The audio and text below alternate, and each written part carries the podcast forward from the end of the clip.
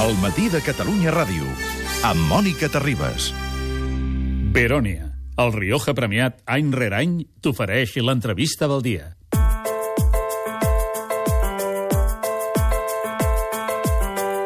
Avui, 24 de desembre, volíem que l'entrevista de dos quarts de nou fos una mica especial. I ho és perquè la fem amb qui habitualment ens fa els nostres informes, amb el professor Xavier Salai Martín. I què li demanem al professor Salai Martín? Li demanem que d'alguna manera ens faci un retrat, un diagnòstic del que ha estat econòmicament aquest any. Professor Salai Martín, bon dia. Hola, molt bon dia. Encantats de tenir-lo aquí. Gràcies. Normalment... Ara que és Encantat. trimestre que ve, està més per Catalunya o continua als Estats Units fent classes a Estats Nova. York? Continua allà. Estats Units, però no faig classes. Anant, no fa classes. No faig classes, tinc investigació, tinc estudiants, eh, fent tesis, etc. però estic allà. Molt bé, un fred que encara... Un fred un fred intens, eh? Sí. Molt bé. A veure, uh, l'exercici que volíem fer avui és intentar fer aquest retrat.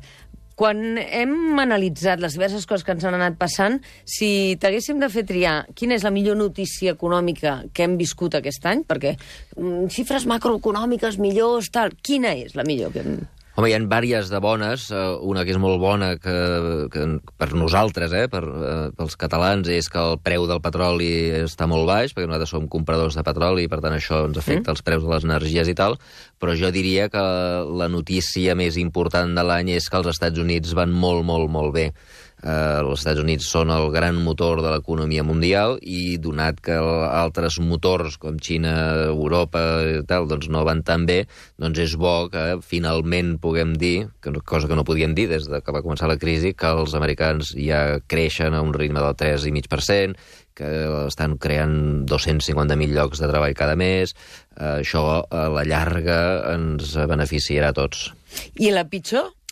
És que Alemanya està com està i Rússia està com està? El pitjor jo diria que és Europa. És Europa, Eh, no? L'altre motor, que és el motor que més ens interessaria a nosaltres eh, que anés bé, um, Europa no va bé, i a més no va bé per raons pitjors de la que no anava bé fa uns anys. Eh? Fa uns anys no anava bé perquè hi havia la perifèria que no anava Sí. bé, hi havia eh, Portugal, Itàlia, eh, Portugal. etc. Eh, Grècia, Grècia. Eh, Irlanda, Nosaltres. nosaltres. I ara no va bé perquè el centre no va bé. Eh, I que el centre no vagi bé és més important, primera, perquè pesa més, però segona, perquè és més difícil de rescatar. Que O sigui- a Alemanya i França, bueno, a Alemanya no m'ho sé imaginar, però França, que sí que està en una situació exacte. delicada, Si França s'hagués de rescatar, els alemanys o els europeus no tenen prou calés. Per tant, eh, s'ha de dir que no, hi ha, no, no, no estan anant enrere, no és una gran crisi, però ostres, el, vam començar el 2014 com l'any de la recuperació, que Europa ja tornava, i no, això no s'ha produït. Per tant, la mala notícia en relació al que esperava tothom és que Europa no sembla ressuscitar i recorda que això tot això va començar el 2007. Eh? Per tant, ja portem set anys de... mm, Ostres, que no anem bé. No anem bé. i malament aniríem si Alemanya hagués d'estirar el braç perquè algú la rescati, perquè hauria d'anar a petar als Estats Units, bàsicament, no? Sí, no, no és rescatable. No és rescatable. No és rescatable. O sigui, aquí no, s'hauria, no, no hi hauria una operació de Sí, salvament, Alemanya, com s'ha produït. S'enfonsa, s'enfonsa i punto. No, no hi ha més... No hi ha plans de I, rescat. per tant, a Europa... I, òbviament, si s'ensorra Alemanya, tots els que depenem de, de, de vendre, vendre coses a Europa, eh, el nostre principal mercat és Europa, i per tant mm, patirem. Eh? Quina és, a criteri de Xavier Sala i Martín, la mesura econòmica més encertada que s'ha pres aqu- aquest any? Doncs aquí ens anem a la Xina.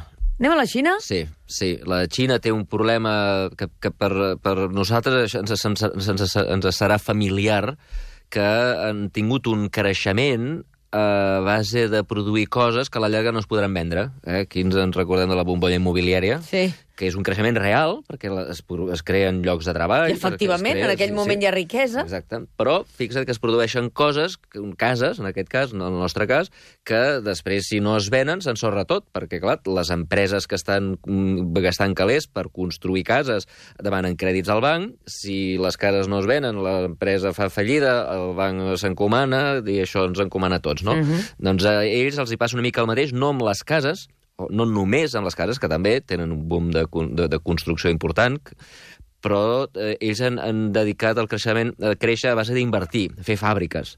Eh? I aleshores, clar, tenen massa acer, tenen massa carbó, tenen masses cotxes, tenen, han produït massa, tenen un excés de capacitat. I la mesura important és que això se'n van adonar fa un any eh, i el govern ha decidit canviar el model de creixement d'un model de creixement d'inversió per un model de creixement basat en el consum, és a dir, que els siguin els xinesos els que comprin, això també generaria demanda, com la demanda de les empreses, eh, està per veure si els hi funciona, però el que està clar és que és, és una gran mesura, perquè si no la implementen, petaran. I si peta Xina és una cosa també molt important, més important fins i tot que Alemanya.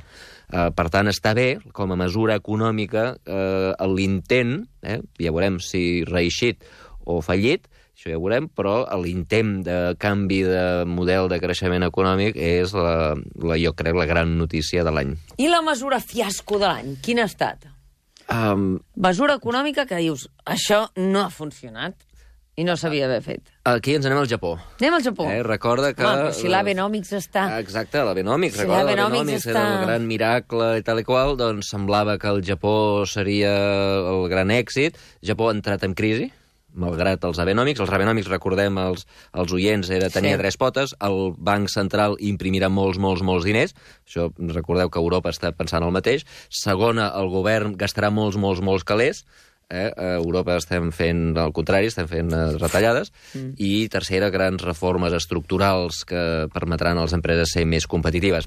Això no sabem si funciona o no, això en principi semblava que no anava a funcionar, però al, moment que començava a funcionar va el, el senyor Abe i puja els impostos. I aleshores aquí es va crear una crisi econòmica que ha fet entrar el país en recessió. És a dir, pujar impostos quan les coses van malament és un gravíssim error que hem vist a través de la història i recordeu que és un error que va cometre el govern d'Espanya. Mariano Rajoy, just entrar al govern, malgrat que la promesa electoral era de baixar impostos, Els va pujar. i això ens va fer agreujar, jo crec, la crisi econòmica l'any 2012. Aquí se'n va pujar algun, aquí a Catalunya, però després es, També va, un greu es error. va anar rectificant. A quin dirigent eh, econòmic Xavier Sala i Martín li ensenyaria targeta vermella i expulsió? Uh, Vladimir Putin. Vladimir Putin ha fet un, uh, un error de càlcul, jo crec, amb el tema d'Ucraïna. Eh? Va invadir Ucraïna, es pensava que ell era el rei del mambo. Uh, es va confondre, la, la Unió Soviètica era, era un país tancat en si mateix i, per tant, estava aïllat de les pressions internacionals. Però ara Rússia és un país que depèn de la resta del món. Depèn per vendre petroli, depèn per vendre gas, eh, depèn dels mercats financers. Els països europeus i sobretot els Estats Units es van rebotar, li han fet una, una sèrie de sancions que li han fet molt mal. Això, juntament amb el preu del petroli, que parlàvem al principi, que per nosaltres va molt bé, nosaltres compradors ens va molt bé, però òbviament pels venedors els hi va fatal, eh, doncs això ha fet que eh, eh, Rússia, en aquest mes de desembre, hagi entrat en una crisi que no sabem com acabarà. I no sabem les repercussions que pot arribar Exacte. a tenir. Doncs una crisi greu, una crisi greu, crisi greu causada per la... En aquest cas no és per la política econòmica, però sí per la, per la política que té conseqüències econòmiques. Eh? Pensar que tu pots fer el que et doni la gana al món i que el món no reaccionarà i que tu ets, eh, sortiràs eh, impunament, eh, podràs fer impunament el que et doni la gana, és un error de càlcul greu i els, això ho pagaran els russos i també ho pagarem nosaltres, eh? que darrerament recorda que el turisme català diguem, tenia Clar, números una- verds gràcies als Gràcies russos. als russos. Si treus els russos, Sí. estava en vermell. Uh, doncs bé... El, També repercutirà sobre el nostre sector serveis. Exactament. Uh, professor Sala i Martín, i qui ens ha marcat més gols, o qui ha marcat més gols, o a qui li donaria la pilota d'or de l'economia? Aquí ens anem a Colòmbia. Anem a Colòmbia? A Colòmbia, el país que millor va d'Amèrica Llatina i un dels que millor va del món és, el, el, és Colòmbia, i per tant la, la pilota d'or va pel president Juan Manuel Santos, Mm, i no només perquè la política econòmica ha estat encertada i, i, per tant, és un país que creix molt. També ha tingut sort de que ells depenen molt dels Estats Units, com hem dit abans, dels grans motors del món, eh? Europa, Estats Units, Xina i Japó, el que va millor és Estats Units, per tant, els països que pengen d'Estats Units, Mèxic, eh, Colòmbia, Índia, Indonèsia, eh, Se'n Corea... beneficien, tots lògicament. aquests se'n. Els que depenen més de Xina, com Xile o Perú, doncs aquests, o, o l'Orient Mitjà, doncs aquests sortiran perdent o no sortiran guanyant tant. Per tant, una mica de sort ha tingut. Eh, però la política econòmica bona, i també perquè està fent un, està entrant en un procés de pacificació de, de terrorisme que jo crec que dona ànims a la gent, tot i que allà hi ha un gran debat, i aquest any hi ha hagut eleccions, eh, diguem, amb molta controvèrsia, eh, perquè el seu excap, el seu excompany, era, que, que, és- el, el president Uribe, estava en contra de pactar amb els terroristes, doncs ell eh, va guanyar, i això jo crec que ha donat un, una, un an, uns ànims, un optimisme a les empreses que això els ha beneficiat. Per tant, pilota d'or pel Juan Manuel Santos. Molt bé. Escolti'm, i qui ha fet els deures que tocava el 2014? les empreses americanes. Les empreses, eh? no el govern eh, o el Senat. Eh, els Estats Units eh, estan creixent molt eh, i estan tornant a bé, malgrat les baralles constants que hi ha entre demòcrates i republicans, Sí. entre el president Deures i que els han altres, consistit en en, en innovar. Innovar, invertir, Fer invertir en coses- innovació. Sí, sí, sí fer, fer coses noves constantment. Fixa que mm, constantment tenim productes nous i gairebé sempre venen dels Estats Units. Tenen grans centres d'innovació, el Silicon Valley, productes, eh, eh, eh, robòtica, nanos, tecnologies, o sigui, és una, una fàbrica constant d'idees i eh, d'empreses que les implementen. No són, són savis universitaris que tenen idees i les guarden amb tesis doctorals, sinó que realment les implementen O sigui, que estan constantment. generant llocs de treball. Abans deies, Salai Martín, deies, creen 250.000 llocs de treball cada mes. Cada mes. Els estan creant en sectors estratègics, no els estan només creant en sectors més intensius o més de...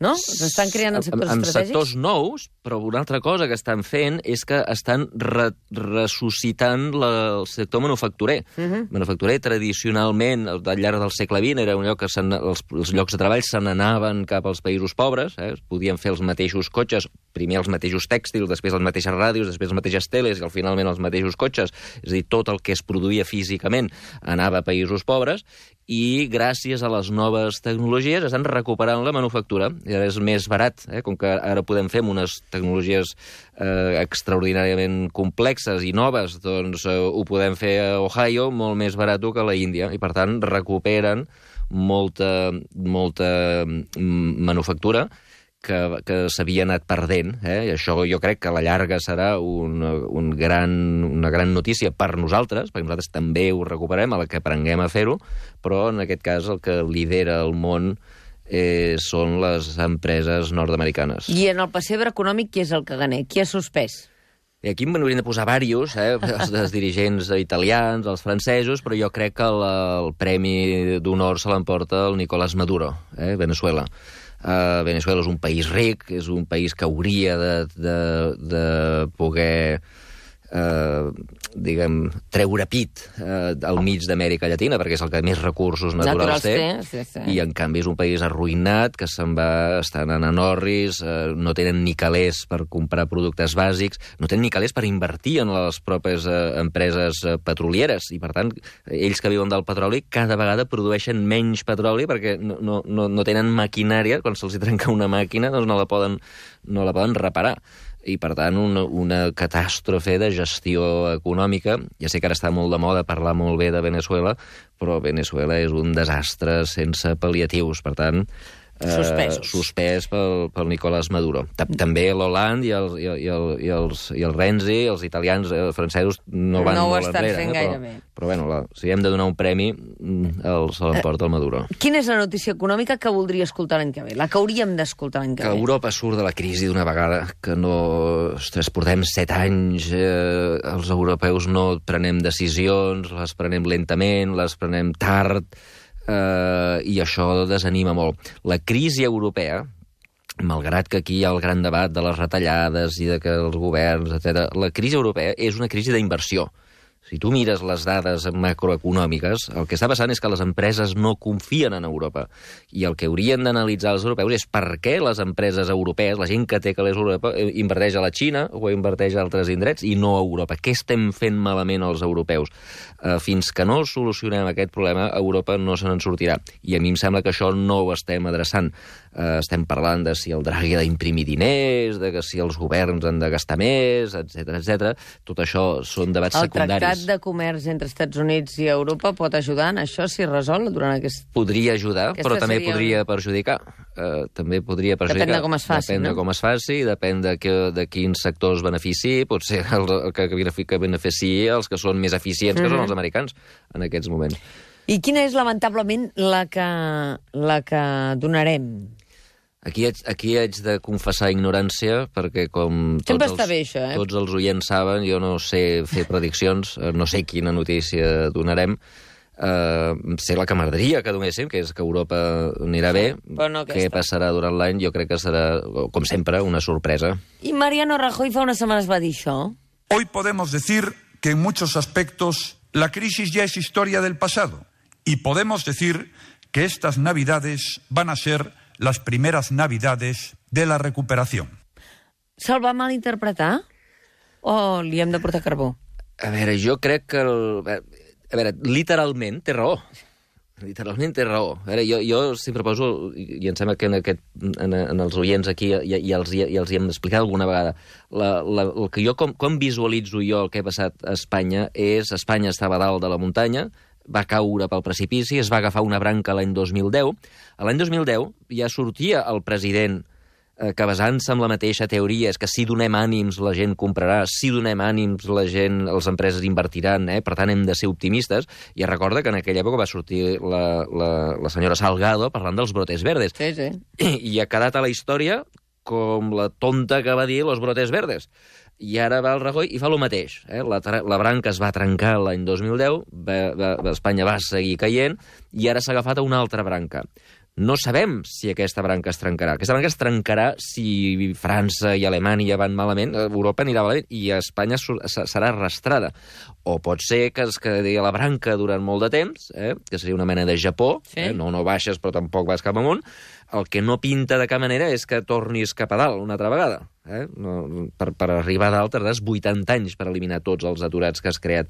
Per tant, um, diguem, treure pit uh, o dir que és la, la, la, la, la, la, la, la, com ho diu, la Navidad és de la Sí. recuperació, uh, quan 25% de la gent està a l'atur, quan clarament la major part de la gent no Quan un notarà... 50% dels nostres joves no troben feina i se'n van. Exacte. I per tant, eh, eh, a veure, eh, tècnicament és veritat que mm, ja no hi ha crisi, perquè la crisi és quan vas enrere, quan caus, i no caus, ara estàs parat, eh? no vas endavant, però tampoc vas enrere, o vas, sí que vas endavant, vas molt endavant, molt a poc a poc, però jo recordo, que tothom recordi, que abans de la crisi, créixer per, dos, per sota del 2,5% era un desastre. Era, sí, sí. I ara estan traient pit perquè creen el 1 i escaig i les previsions és que l'any que ve ells creuen que serà el 2, els europeus diuen que no, que creixeran a l'1, però en qualsevol cas ningú parla de tornar a dos i mig. Eh, és a dir, eh, a, a la situació d'abans de la crisi no s'està tornant de cap manera, no s'està recuperant. Eh, I llavors el Rajoy corre el risc de que aquest tall, que ara ja, una setmana després de dir-ho, ja tothom li està rastregant per la cara, doncs que passi a la història, eh? si la branca es torna a trencar i torna a venir una altra crisi, tothom li digui les navidades de la recuperació, quedarà, passarà a la història com la, la, les declaracions dels brotes verdes. El professor Salai Martín té la capacitat eh, de fer-nos un viatge resum pel món del que ha estat l'economia d'aquest 2014, que a mi, jo ara ho he entès, jo espero que els oients també. Molt bon Nadal. Ara el que farem és fer tertúlia amb joves de menys de 18 anys i a veure què m'expliquen del que, del que el professor Salai Martín ens ha explicat avui. A veure, Molt bon estaré, Nadal. estaré, estaré escoltant des del cotxe. Gràcies, que tingui unes bones festes. Se'n torna cap a Nova York quan?